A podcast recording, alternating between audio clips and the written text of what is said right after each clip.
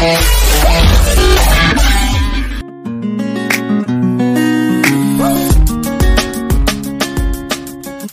kreativitas anak negeri Datang dan kunjungi 109.4 FM Radio Kopi Radionya Milenial Sunday.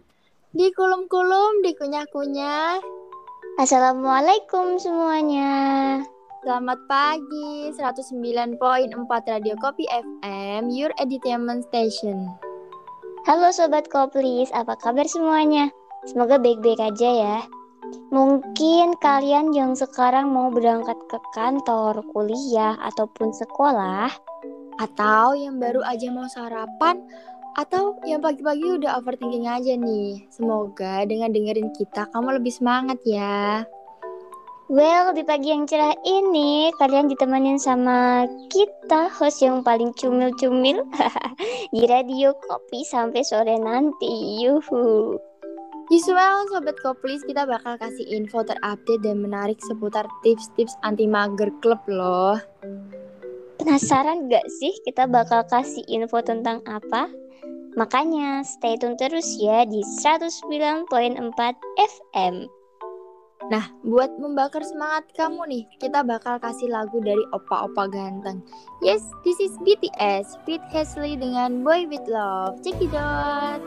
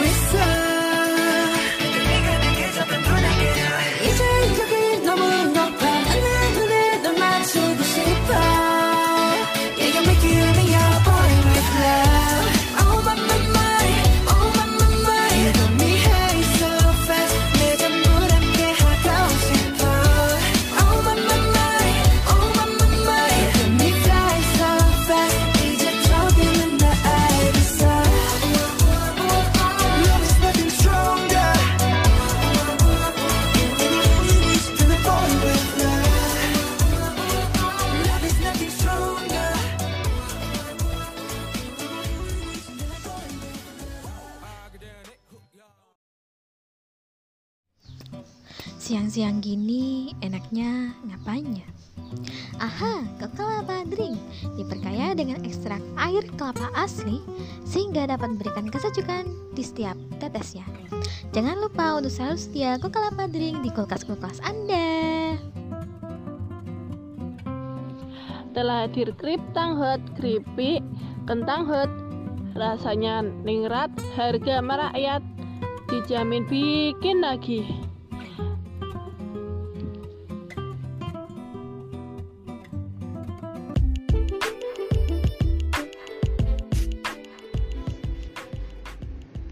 Assalamualaikum warahmatullahi wabarakatuh. Bersama saya lagi Muhammad Febrian Fabiri Kali ini pada podcast Acak Kadul Kita akan membahas mengenai tema milenial produktif. Nah kali ini eh, aku nggak sendirian. Di sini ada Putri Suryaningsih Hai Mbak Putri. Hai selamat siang semuanya. Nah itu Mbak Putri. Nah ini kita kan di sini mau membahas tentang milenial produktif ini Mbak Putri Eh, ya lebih ke tem apa itu hobi hobi anak milenial zaman sekarang. Nah pasti kan kalau eh, masa sekarang mungkin kan covid kan masih merajalela ya semoga covid cepat, Cepat mereda berlalu, cepat ya. berlalu. Ya maaf ya eh, para pendengar ini memang tempatnya jadi seberang jalan jadi ya mungkin kalau ada suara motor atau atau kendaraan itu sudah biasa lah Nah untuk hobi sendiri nih Mbak Putri, Mbak Putri sih hobinya itu apa kalau boleh tahu? Kalau saya lebih hobinya itu sering memasak. Oke. Dari masak itu biasanya saya dis- dari kecil itu SD disuruh ibu bantu masak terus belanja sehingga eh, sering masak terus membantu orang tua menyiapkan masakan tuh Kalau boleh tahu ini Mbak Putri, biasanya itu masak apa? Mungkin paling favorit atau ya paling bisa lah gitu. Kalau aku biasanya sop, sayur sop, sayur asem, sayur kunci, terus eh lodeh terong dan nasi goreng. Ya masih banyak lagi sih, tapi ya tidak semua kuliner masakan saya Oke, bisa. oke, oke. Itu kan masih ter eh, masakan lokal ya Mbak. Iya. Kalau mungkin masakan dari luar negeri atau yang lainnya itu gimana? Wah, kalau luar negeri belum pernah mencoba karena kan memang eh, saya memasak itu untuk keluarga saya sendiri. Jadi saya lakukan ya dari masakan lokal dari Indonesia sendiri gitu. Mbak Putri sudah punya keluarga atau gimana ini kok masakan keluarga? ya maksudnya kan keluarga ya. Satu keluarga ini ada ya ibu sama adik saya. Kayak saya gitu. Oh, Oke. keluarga. Saya kirain udah berkeluarga sendiri. belum Oke gini Mbak Putri untuk uh, hobi milenial katanya kan Mbak Putri kan hobinya kan uh, itu memasak tadi Iya. kan ya apa dari memasak itu Mbak Putri udah mungkin buat bisnis atau ya berjualan gitu Mbak Putri Ya, pernah saya eh, saat hobi masak itu saya memasak piscok, pisang coklat. Nah. Yang itu saya eh, bisniskan melalui via WA, via Facebook sehingga banyak konsumen itu menyukai terus terus lancar, lancar, terus alhamdulillah bisa ada penghasilan dari itu. Oke. Untuk pisang coklatnya itu cuma pisang coklat atau ada beberapa masakan lain? Mungkin. Pernah selain pisang coklat itu saya pernah sosis ulir terus tahu crispy terus pisang crispy. Nah itu pernah saya lakukan tapi saya lebih cenderungnya ke pisang coklat Oh, untuk pisang coklatnya itu eh, cuma pisang coklat atau ada beberapa rasa varian rasa itu Mbak Putri? kalau untuk pisang coklatnya biasanya di atasnya saya kasih topping topping susu coklat kalau enggak ya misis kalau enggak eh, selai gitu Tapi masih rasanya masih coklat. gitu ya, Oh, di dalamnya masih ada tekstur coklatnya karena kan pisang coklat. Oh iya, bukan pisang keju ya? Ya, beda lagi itu nanti resepnya. Oke, eh, untuk mungkin harganya range-nya berapa? Sekitar berapa? Kalau satu pieces itu seribu rupiah, kalau satu Hmm. mika isi lima itu lima ribu. Hmm.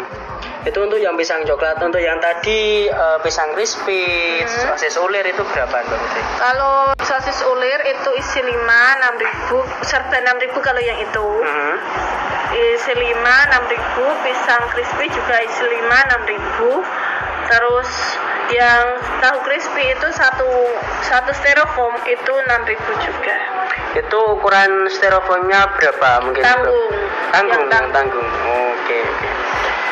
Nah, untuk hobi lagi, untuk hobi anak zaman sekarang, mungkin eh, ada pesan untuk hobi anak zaman sekarang gitu Mbak Putri tanggapannya mungkin Ya di tengah pandemi ini jangan sampai eh, diam. Kalau bis, ya di, diusahakan untuk selalu bergerak. Kalau- kalau kita diam saja, apa yang kita dapatkan gitu? Oke. Kita keluar rumah, kita mencari inspirasi atau kita bisa membuat sesuatu dijualkan. Seperti saya sekarang ini saya eh, jual rujak, jual cemeding sama pecel Ya intinya kalau mungkin untuk hobi anak muda zaman sekarang kalau bisa boleh boleh main hobi tapi Iya. yang bisa berkarya itu ya. main hobi jangan menjadikan itu hobi cuma kesenangan hobi kita aja. ya cuma kesenangan bisa- kita tapi bisa eh, menjadi kesenangan orang lain bisa memanfaat dimanfaatkan orang lain juga Hmm. jadi bisa menghasilkan untuk kita menghasilkan untuk orang lain juga Oke. Ya itu tadi eh, pembahasan kita mengenai tema milenial produktif mengenai hobi. Ya salah satunya itu hobi memasak untuk hobi-hobi yang lain mungkin bisa ngegame atau ya mungkin sekarang yang masih tet- tetap ada dan masih eksis yaitu ngegame. Kalau game bisa menjadi hobi juga bisa menjadi eh, menghasilkan iya untuk diri sendiri maupun juga orang lain. Iya. Mungkin bisa eh, membuka channel atau tutorial game atau yang seperti itu atau bisa mengikuti lomba juga ya mungkin ada seperti itu. Oke, itu tadi mengenai tema hari ini. Terima kasih untuk Mbak Putri Iya, sudah menemani kita. Ya, sudah menemani kita di sini selama beberapa menit ke depan ini. Ya, kurang eh, kurang lebihnya saya sendiri Muhammad Febrian sebagai ya di sini host minta maaf apabila ada kesalahan. Dan saya juga mohon maaf eh, apabila tadi jawaban saya eh, tidak enak di hati Mas Febrian ya. Gak apa-apa. Ya, mohon maaf juga untuk pendengar semuanya. Cukup sekian dari kami. Wassalamualaikum warahmatullahi wabarakatuh. Bertemu lagi dengan Bang Soso di 109.4 FM Radio Kopi, radionya milenial santuy. Siang-siang gini saatnya cooling down bareng Radio Kopi dan Bang Soso pastinya. Nah, untuk menemani siang kalian, Bang Soso bakal puterin lagu dari Dani Caknan yang berjudul Angel. Tetap stay tune terus ya di Radio Kopi untuk beberapa menit ke depan. Kita bakal sosohan bareng buat koplis di rumah. Boleh banget kalau mau request lagu. Kirim request kalian di 089 657 742 109. Selamat mendengarkan.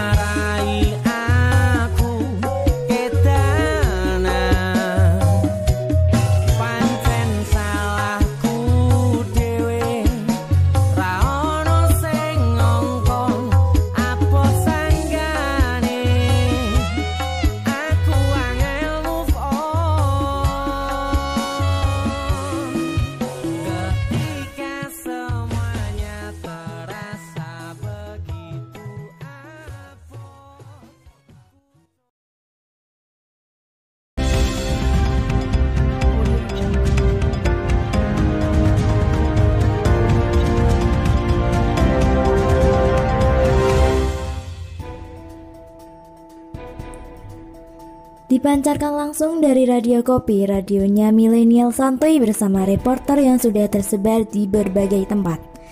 Selamat siang pendengar berlalu edisi 21 Juni 2021. Kembali hadir bersama saya Vivi Rima Melinda. Inilah berita selengkapnya.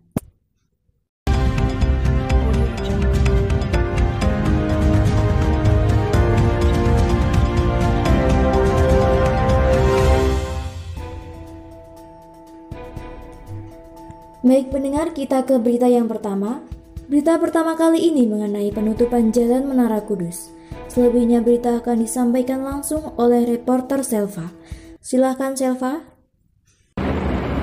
Saat ini saya melaporkan dari ruas perempatan Jalan Raya Menara Kudus. Seperti yang kita ketahui, sampai saat ini Kudus masih terpantau zona merah.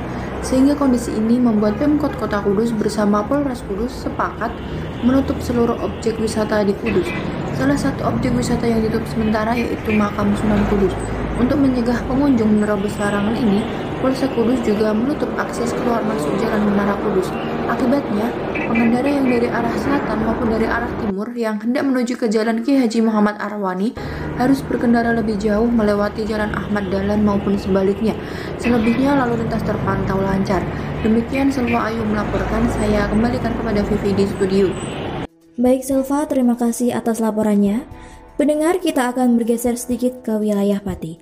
Berikut kita akan mengikuti laporan dari reporter kami Farhan mengenai kondisi lalu lintas di zona merah Jalan Raya Pati Kudus. Silahkan Farhan. Saya Ahmad Farhan melaporkan dari ruas jalan Pati Kudus kilometer 1. Bahasanya jalan terpantau ramai lancar. Akibat zona merah COVID-19 akan terjadi penutupan ruas jalan di beberapa jalan di wilayah Kecamatan Pati yang akan dilaksanakan mulai tanggal 19 Juni sampai dengan 28 Juni 2021. Terjadi dari pukul 8 malam sampai dengan pukul 4 pagi. Adapun ruas jalan yang akan ditutup yaitu yang pertama Jalan Panglima Sudirman, yang kedua Jalan Kolonel Sulandar, yang ketiga Jalan AKBP Agil Kusuma Dia, yang keempat Jalan Dr. Sutomo, yang kelima Jalan Ronggo Wongso, yang keenam Jalan Wahid Hasim, yang ketujuh Jalan Penjawi, dan yang kedelapan Jalan Tondo Negoro. Untuk itu dimohon partisipasi dalam melakukan sosialisasi dan monitoring berjalannya kegiatan tersebut. Hanya berikut yang bisa saya sampaikan. Selanjutnya kembali ke studio. Baik Farhan, terima kasih atas laporannya. Pendengar kita beralih ke berita yang selanjutnya yaitu kemacetan di Jalan Raya Perempatan Mayong Jepara. Informasi selengkapnya disampaikan langsung oleh reporter Dea yang saat ini sudah berada di lokasi. Dea silahkan. Saat ini saya melaporkan dari luas jalan raya perempatan Mayong Jepara. Seperti yang bisa didengar, kondisi jalan pada Senin pagi ini terpantau sangat ramai oleh para pengendara sepeda motor. Para pengendara dari arah timur, yakni dari Kudus menuju Jepara, terlihat memenuhi bahu jalan, sehingga pengendara dari arah barat tidak memiliki akses untuk melewati jalan. Kemacetan ini biasa terjadi mulai pukul 7 hingga setengah 8 pagi, khususnya pada hari Senin. Adapun pemicu kemacetan ini adalah aktivitas para pekerja pabrik yang hendak berangkat bekerja. Demikian, Dea Oktaviana melaporkan. Selebihnya saya kembalikan kepada Vivi di studio. Mendengar berita kemacetan di Jalan Raya Perempatan Mayang Jepara tadi sekaligus mengakhiri berlalu pada siang hari ini. Saya Vivi Melinda beserta reporter yang bertugas pamit undur diri. Terima kasih dan sampai jumpa.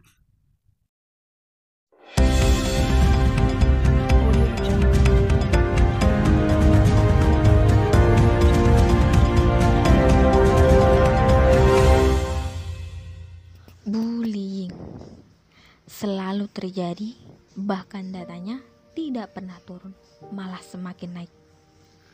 Pencegahannya dengan cara stop bullying, hargai orang lain.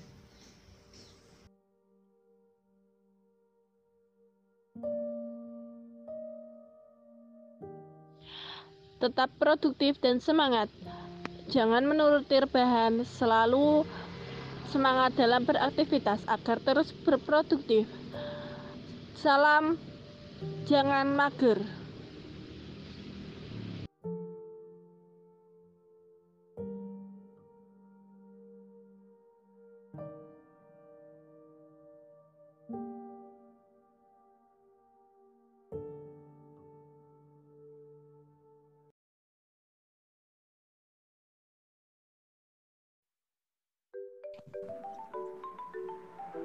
Assalamualaikum Sobat Koplis, selamat pagi. Nah, eh, mengawali pagi ini Sobat Koplis akan mendengarkan tips and trick eh, dari saya tentunya. Eh, enggak ding, Eh, dari narasumber kita yang paling cumil juga, yang paling unyu kayak hostnya tentunya.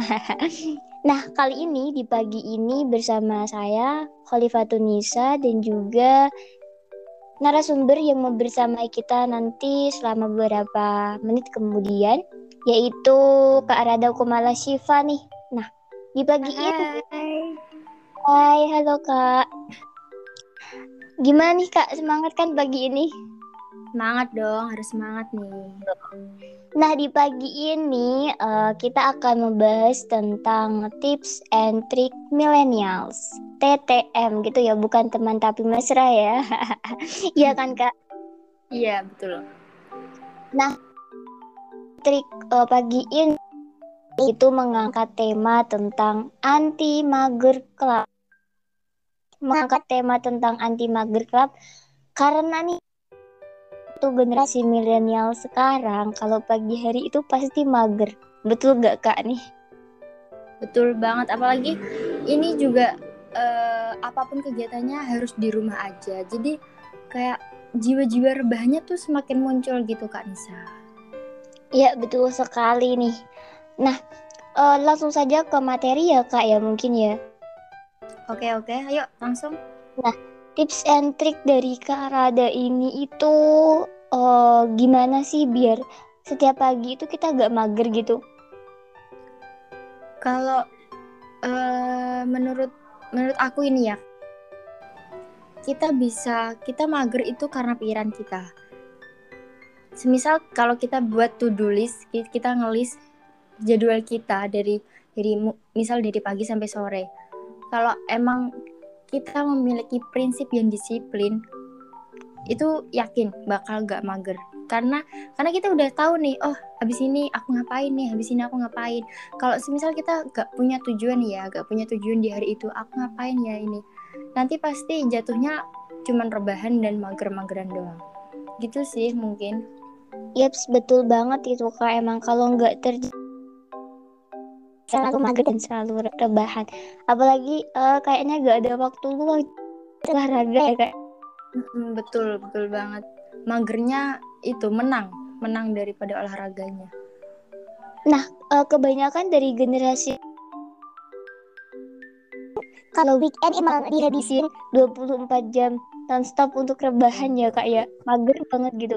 Uh, kira-kira tips yang paling manjur ala kak Rada ini mengatasi mager di weekend itu yang gimana kak? Mungkin liburan atau gimana gitu? Sebisa mungkin kita menerapkan produktif day kak Nisa. Jadi kayak kita tuh harus produktif gitu loh di hari itu walaupun weekend juga weekend weekend kalau mungkin menurut menurut orang-orang boleh lah kita kita beristirahat. Oke okay, gak apa-apa. Weekend itu bisa buat istirahat. Kalau memang memang kalian memang perlu istirahat. Tapi kan gak mungkin dari pagi sampai malam itu beristirahat terus. Jadi kita pilih nih produktif mau ngapain mau mau melakukan hobi atau mau sekedar me time. Jadi jalan-jalan atau liburan kayak gitu. Oke kak. Satu satu pertanyaan lagi nih kak. Kayaknya hari yang paling ekstrim bagi semua orang. apa itu? Tips and trick uh, anti mager di hari Senin ini tuh yang gimana kak? Aduh, banyak bener takut sama hari Senin. Padahal tuh hari Senin tuh sama kayak hari-hari yang lain, iya nggak kak Nisa? Iya betul sekali. Jadi tuh hari Senin hari Senin tuh sama kayak hari-hari yang lain. Mungkin bagi mereka hari Senin itu kan setelah hari weekend. Jadi uh, jiwa-jiwa yang emang pengen rebahan pengen weekend terus tiba-tiba udah dapat hari Senin jadi kayak ah besok Senin ah besok udah Senin. Itu udah mikir jenuhnya di hari Senin. Itu padahal kalau kita menerapkan pemikiran hari Senin tuh sama kayak hari hari lainnya. Bahkan harusnya kita tuh menerapkan bahwa berpikir oh besok udah hari Senin udah mulai aktivitas lagi udah mulai menyusun rencana-rencana untuk selanjutnya di hari Selasa, Rabu dan lain-lain. Jadi mungkin hari Senin bisa untuk menjadi pacuan bahwa hari Senin tuh hari di mana kita memulai dari awal itu bisa kak Disa. Yep, betul. Berarti intinya tips and trick oh, anti mager kali ini itu gini sobat koplis. Kita itu harus men menerapkan uh, gimana ya pola pikir kita untuk selalu produktif dan juga kita harus punya uh, kayak acuan acuan jadwal yang Oke, tiap hari Sobat ini kita mau tak ngapain-ngapain terasa gitu ya kak sudah ya. lama Iya, membersamai betul banget. kalian. Saya Khalifatun Nisa bersama Saya Rado Kumala Syifa. Pamit undur diri di Tips and Trick Anti Mager Club di Radio Kopi 109.4 FM. Selamat beraktivitas. 109.4 FM Radio Kopi, radionya milenial santuy. Assalamualaikum sobat Koplis, di sini aku bakal ditemenin sama Mbak Gita. Seneng banget nih, pagi ini kita ketemu lagi di siaran TTM. Nah, di TTM ini kita bakal ngasih tips and trick buat sobat Koplis dalam beberapa hal nih. Kebetulan kita kedatangan dua narasumber yang kece-kece, yaitu Bang Imam sama Bang Rahmat. Nah, kali ini kita bakal bahas tentang self healing sampai beberapa menit ke depan. So, keep on tuning di 109.4 FM Radio Kopi, radionya milenial santuy. Ajang kreativitas anak negeri. Datang dan kunjungi 109.4 FM Radio Kopi, radionya milenial santuy. Wah, seneng banget lagi di TTM Tricks and Trick eh Tips and Trick Milenial. Nah, eh, pagi ini kita jadi seperti yang sudah disebutin sama ya kita kedatangan dua narasumber yang pastinya super kece sekali yaitu Bang Rahmat juga Bang Imam. Selamat pagi Bang Rahmat dan Bang, Imam. Pagi. Oke, sama yang sudah disebutin sama Mbak Rada di pembukaan tadi yaitu mengenai self healing. Menurut dari dua narasumber kita yang kece-kece ini, apa sih itu self healing? Mungkin bisa dimulai dari Mas Imam terlebih dahulu. Eh, self healing itu kalau dari saya mungkin kayak proses penyembuhan luka gitu ya Eh, akibat kayak misal trauma masa kecil kegagalan atau dikecewakan oleh seseorang dan cemas terhadap sesuatu seperti itu mbak Kalau dari Mas gimana? Apa itu? Kalau menurut saya sih Kalau menurut saya sih simpelnya gini, self healing itu seperti proses penyembuhan yang hanya melibatkan diri kita sendiri. Kalau gitu nih, eh, bagi-bagi tips dong gimana cara eh, kita melakukan self healing dengan benar, dengan melakukan self love, self love dengan benar. Mungkin dari dulu nih, gimana tips and trick ala Mas Dapik untuk melakukan self healing? Tip and trick ya. Yang pertama kita bisa menyemangat- menyemangati diri kita sendiri, mensugesti diri kita untuk melawan pikiran yang negatif. Seringkali seorang tanpa sadar, kamu bisa memulai mensugesti diri untuk mengucapkan kata-kata yang positif setiap kali merasa terpuruk. Biar hidup kalian sehari-hari lebih cerah.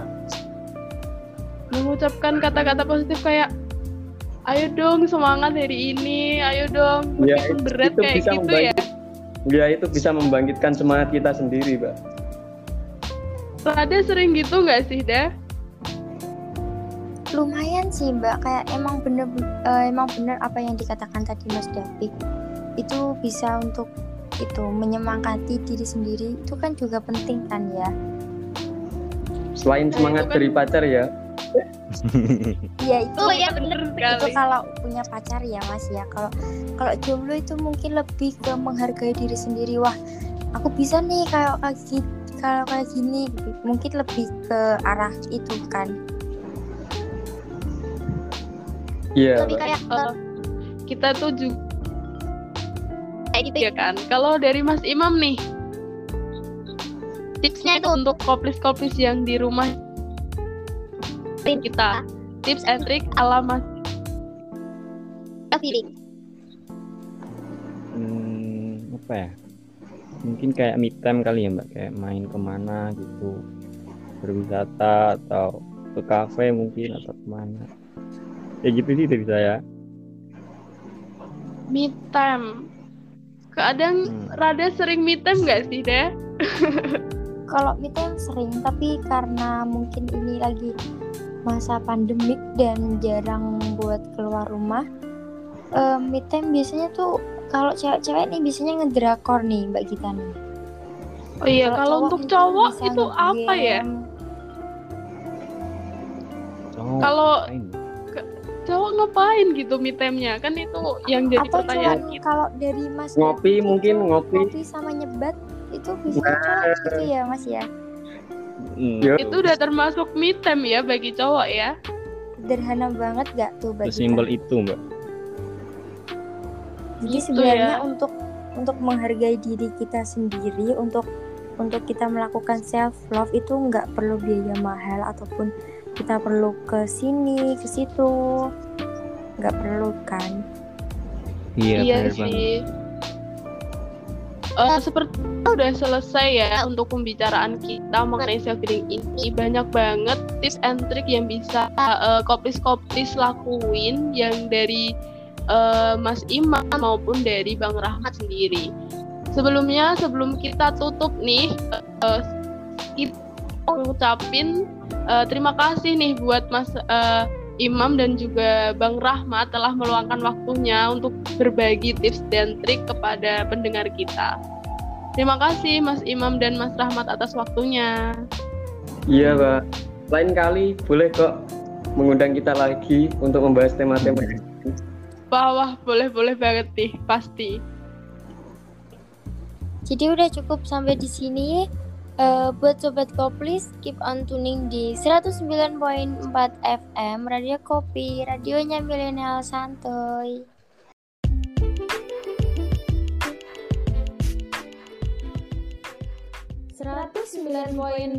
FM Radio Kopi, radionya milenial santuy. Hari ini kita bakal nemenin kalian di segmen Sandiwara Radio bersama saya Rizka Amawanti dan Syafira Rafi Oktaviani. Dalam segmen ini kita akan menyajikan sandiwara radio nih. Kalian pasti penasaran dong gimana alur ceritanya? So, keep stay tune di Radio Kopi, radionya milenial santuy. Patah hati seorang putri. Malam itu, kota terasa dingin sekali. Gilang berjalan menuju rumah putri, bertekad untuk menyatakan keseriusannya ditemani dengan hawa dingin yang semakin menyelimuti badan. Gilang melihat putri sedang duduk di teras rumah ditemani satu teko kecil teh dengan cangkir kecilnya yang telah diminum setengah.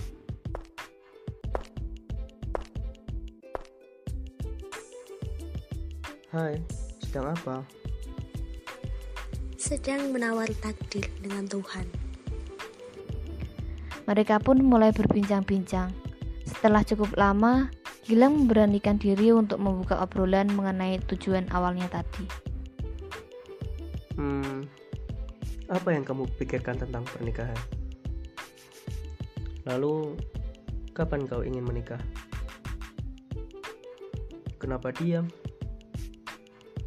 Tidak punya tenaga untuk menjawab. Kau yakin bertanya ini padaku? Jangan berharap mendapat jawaban manis dariku. Menurutku, pernikahan adalah hal bodoh dan kesia-siaan untuk mencapai titik sakit hati terhebat. Kau bertanya kapan aku akan menikah, dan aku tahu di balik pertanyaanmu terselubung niat untuk menikahiku, bukan? Berpikirlah terlebih dahulu sebelum kau akan menikahiku. Bukankah aku sudah memperkenalkan diriku sebagai gadis yang dikhianati oleh ayahnya? Iya, lalu kenapa? Aku menerima hal itu. Aku berjanji untuk nafas gue di esok hari. Aku tak akan mengkhianatimu seperti yang dilakukan ayahmu. Sial, sudah aku duga kau tidak paham arti dari ucapanku. Ku pikir kau pria yang pintar, ternyata kau pria bodoh. Sebagaimana aku telah memperkenalkan diriku sebagai gadis yang dikhianati oleh ayahnya. Bukankah aku gadis yang tak sempurna dalam hal percaya? Janjimu itu, ucapkan saja janjimu pada wanita lain. Aku rasa itu akan bekerja. Ya, ini akan sulit untukmu ke depannya. Urungkan niat bodohmu untuk menikahiku. Dan pergi temui gadis lain yang sempurna dalam hal percaya. Aku bukan gadis yang patah hati sebab pria dengan bualan manisnya. Tapi aku gadis yang patah karena seorang ayah. Pulanglah. Gilang pulang dengan hati yang teriris. Sekarang Gilang paham bahwa tidak semua ayah adalah cinta pertama putri kecilnya. Di beberapa anak perempuan, ayah menjadi sosok patah hati terhebat untuk 109.4 FM Radio Kopi Radionya Milenial Santuy. Hari ini kita bakal nemenin kalian di segmen Sandiwara Radio Bersama saya Rizka Amawanti dan Syafira Rafi Uktaviani Nah dalam segmen ini kita akan menyajikan Sandiwara Radio nih. Kalian pasti penasaran dong gimana sama alur ceritanya. So keep stay tune di Radio Kopi Radionya Milenial Santuy Suasana malam begitu mencekam. Salim dan Sarman sedang berkeliling ronda malam. Kebetulan malam itu mereka melewati daerah pemakaman yang konon katanya angker sekali. Sar, malam ini kok ya dingin banget ya? Ih, merinding aku. Hilih, itu cuma piling kamu aja, Sal. Eh, konon jalan daerah sini dulu angker banget, Sar. Nggak usah ngelawak kamu kuito, Sal. Malam Jumat kliwon nih, Nah, makanya kuwi sar. Kamu tahu berita yang sedang beredar tidak, Sal? Apa kuwi sar? Pak RT kabari uangnya dicolong gundul. Hus, kalau ngomong itu loh. Eh, bener kuwi. Tiba-tiba muncullah sosok dari balik semak-semak. Eh, abahnya apa iku sar? Lo ya jangan-jangan itu gundulnya, Sal. Jangan ngawur kamu itu. Iya udah, ayo lanjut lagi. Ternyata Si gundul yang dikira Sarman dan Salim adalah Pak Lurah yang habis cukur dan disuruh beli tepung istrinya, tetapi terpleset dan seluruh tubuhnya dari kepala sampai bawah menyerupai gundul. Sarman, Salim, tolong. Orang minta tolong kok ya malah pada lari. Gimana sih? Halo masih di 109.4 Kopi radionya milenial santuy Halo Kopi listener. Acara selanjutnya yaitu berita feature yang dipenyari oleh Mas Hilmi Nurdapatori Dan narator casting featurenya yaitu Mbak Siska Ayu Agraini. Dan berdurasi 5 menit. Silahkan Mbak Siska membacakan berita featurenya Terik matahari cukup menyengat, menemani perjalanan kami mengunjungi salah satu tempat wisata yang cukup terkenal di Jepara. Menunggangi motor metik, kami menyusuri jalan menuju tempat wisata lembah alam. Debu polusi kendaraan yang berlalu lalang tak menyurutkan semangat kami untuk segera sampai ke tempat tujuan. Kurang lebih enam menit perjalanan dari pasar pejangaan, kami dapat melihat plang bertuliskan nama tempat wisata di depan gang. Tepatnya terletak di RW 5 di Satroso, Pejangan, Jepara. Wisata alam yang telah tiga tahun dibuka ini sangat menarik untuk dikunjungi. Berbeda dengan tempat wisata lain di Jepara yang berlatar belakang pantai. Tempat wisata lembah alam mengambil konsep taman bunga. Konsep kita sebenarnya cukup variatif. Selain taman bunga, konsep lain yang kita akan garap adalah perkebunan yang spesifik pada pengembangan buah jambu air. Wisata edukasi hidroponik, mini farm, dan tanam bunga juga salah satu konsen kita. Resto sudah jelas sebagai pendukung dalam hal kuliner dan hari ini kita juga mulai pembangunan kolam renang. Selain itu, ide dari musyawarah anggota berdasarkan analisis kebutuhan target market. secara global keunikan kita itu berusaha menghadirkan tempat wisata yang dapat memenuhi kebutuhan masyarakat secara lengkap tidak hanya wisata tapi juga kuliner dan juga edukasi saat memasuki kawasan wisata kami disuguhi pemandangan bunga-bunga indah yang bermekaran dan berbagai macam tanaman Air mancur yang mengalir menambah sejuk suasana lembah alam. Selain itu, banyaknya spot foto membuat kami merasa bersemangat untuk mengabadikan momen-momen di tempat wisata. Tersedianya resto juga memudahkan kita membeli makanan atau minuman untuk menemani acara berwisata. Selain itu, wisata lembah alam juga menyediakan fasilitas yang mengedukasi, seperti hidroponik, mini farm, dan juga tanam bunga. Tersedia juga resto untuk mendukung gairah kuliner pengunjung dan juga akan ditambah fasilitas lain yang masih dalam proses pembangunan. Menariknya, pengunjung tidak perlu membayar uang masuk. Pengelola membebaskan pengunjung masuk tanpa dipungut biaya. Uh, waktu weekend itu 80 sampai 50 sampai 80-an orang uh, pelanggan resto kebanyakan. Terus untuk masuknya itu free tidak dipungut tiket untuk masuk dan juga parkir. Kan karena kita itu fokus pengembangan resto jadi pengunjung juga harus belanja di resto. Sama seperti kebun-kebun yang lain, untuk hal perawatan tanaman, tanaman disiram setiap hari dan juga diberi nutrisi. Selain itu, Tanaman dijaga dari hama tanaman dan juga konsep bunga dibentuk agar tetap estetik. Oleh karena itu, tanaman di lembah alam ini sangat menarik dan sangat indah untuk dijadikan spot foto. Harapan ke depannya, lembah alam Jepara tetap bisa memberikan pelayanan terbaik untuk masyarakat. Fokus ke depan lebih mengoptimalkan resto, taman, kolam, dan hidroponik.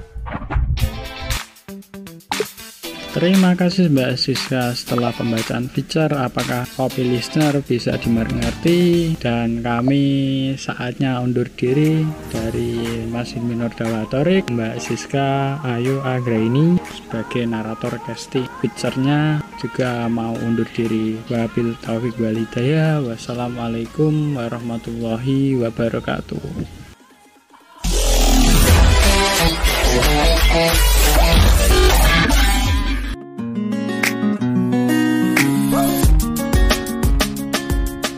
ajang kreativitas anak negeri. Datang dan kunjungi 109.4 FM Radio Kopi, radionya Millennial Sunday. Sebuah komunitas anak muda yang penuh kreasi dalam bidang komunikasi. Bergabunglah di Jalan Ngebal Rejo Kudus, Jawa Tengah, hanya di 109.4 FM.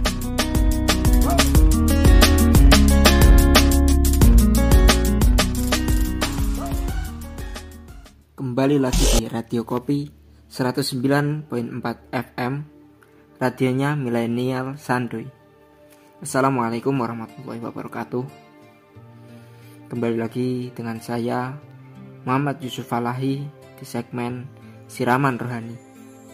Pada kali ini Saya akan membahas tentang Pemuda keren menurut Islam itu siapa? Dari penjelasan Ustadz Hanan Ataki. Ustadz Hanan Ataki menjelaskan bahwa pemuda keren di mata Allah itu siapa sih?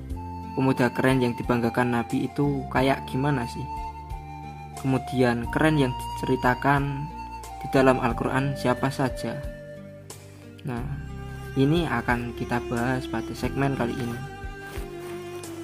Dalam sebuah hadis Nabi pernah menyampaikan tentang tujuh golongan manusia yang akan mendapatkan naungan Allah di padang mahsyar pada hari ketika tidak ada naungan kecuali naungan Allah. Di padang mahsyar gak ada naungan kecuali naungan Allah dan hanya naungan Allah yang dapat menolong manusia. Ada tujuh golongan manusia hamba Allah yang mendapatkan naungan itu. Salah satunya yaitu pemuda yang tumbuh dalam beribadah kepada Allah. Artinya, pemuda yang tumbuh dalam ketaatan ke kepada Allah. Jadi, kalau pertanyaan saya di awal, siapa sih pemuda keren di mata Allah? Itulah kemudian keren di mata Allah yang tumbuh di masa mudanya dari sejak dia balik pas dia lagi ABG dia lagi puber tapi dia tetap tumbuh dalam ketaatan kepada Allah, baik laki-laki ataupun perempuan. Contohnya sudah ada di dalam Al-Quran. Dari contoh laki-lakinya, itu ada Nabi Yusuf alaihissalam, Nabi Yahya alaihissalam, Nabi Isa alaihissalam, dan juga masih banyak lagi. Begitu juga dengan contoh yang perempuan. Contoh perempuannya adalah Sayyidah Maryam radhiyallahu anha. Dan juga ada lagi contoh dari laki-laki yang lebih dari satu.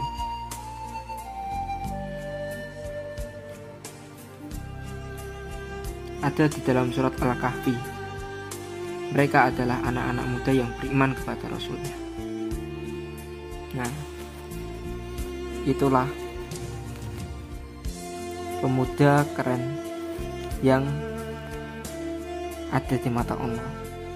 Semoga dengan adanya pembahasan pada segmen kali ini kita menjadi lebih giat dalam beribadah dan juga kita menjadi salah satu tujuh golongan manusia yang mendapatkan pertolongan ataupun naungan Allah di padang. Sekian dari saya. Apabila ada kesalahan dalam perkataan saya mohon maaf yang sebesar yang sebesar besarnya wassalamualaikum warahmatullahi wabarakatuh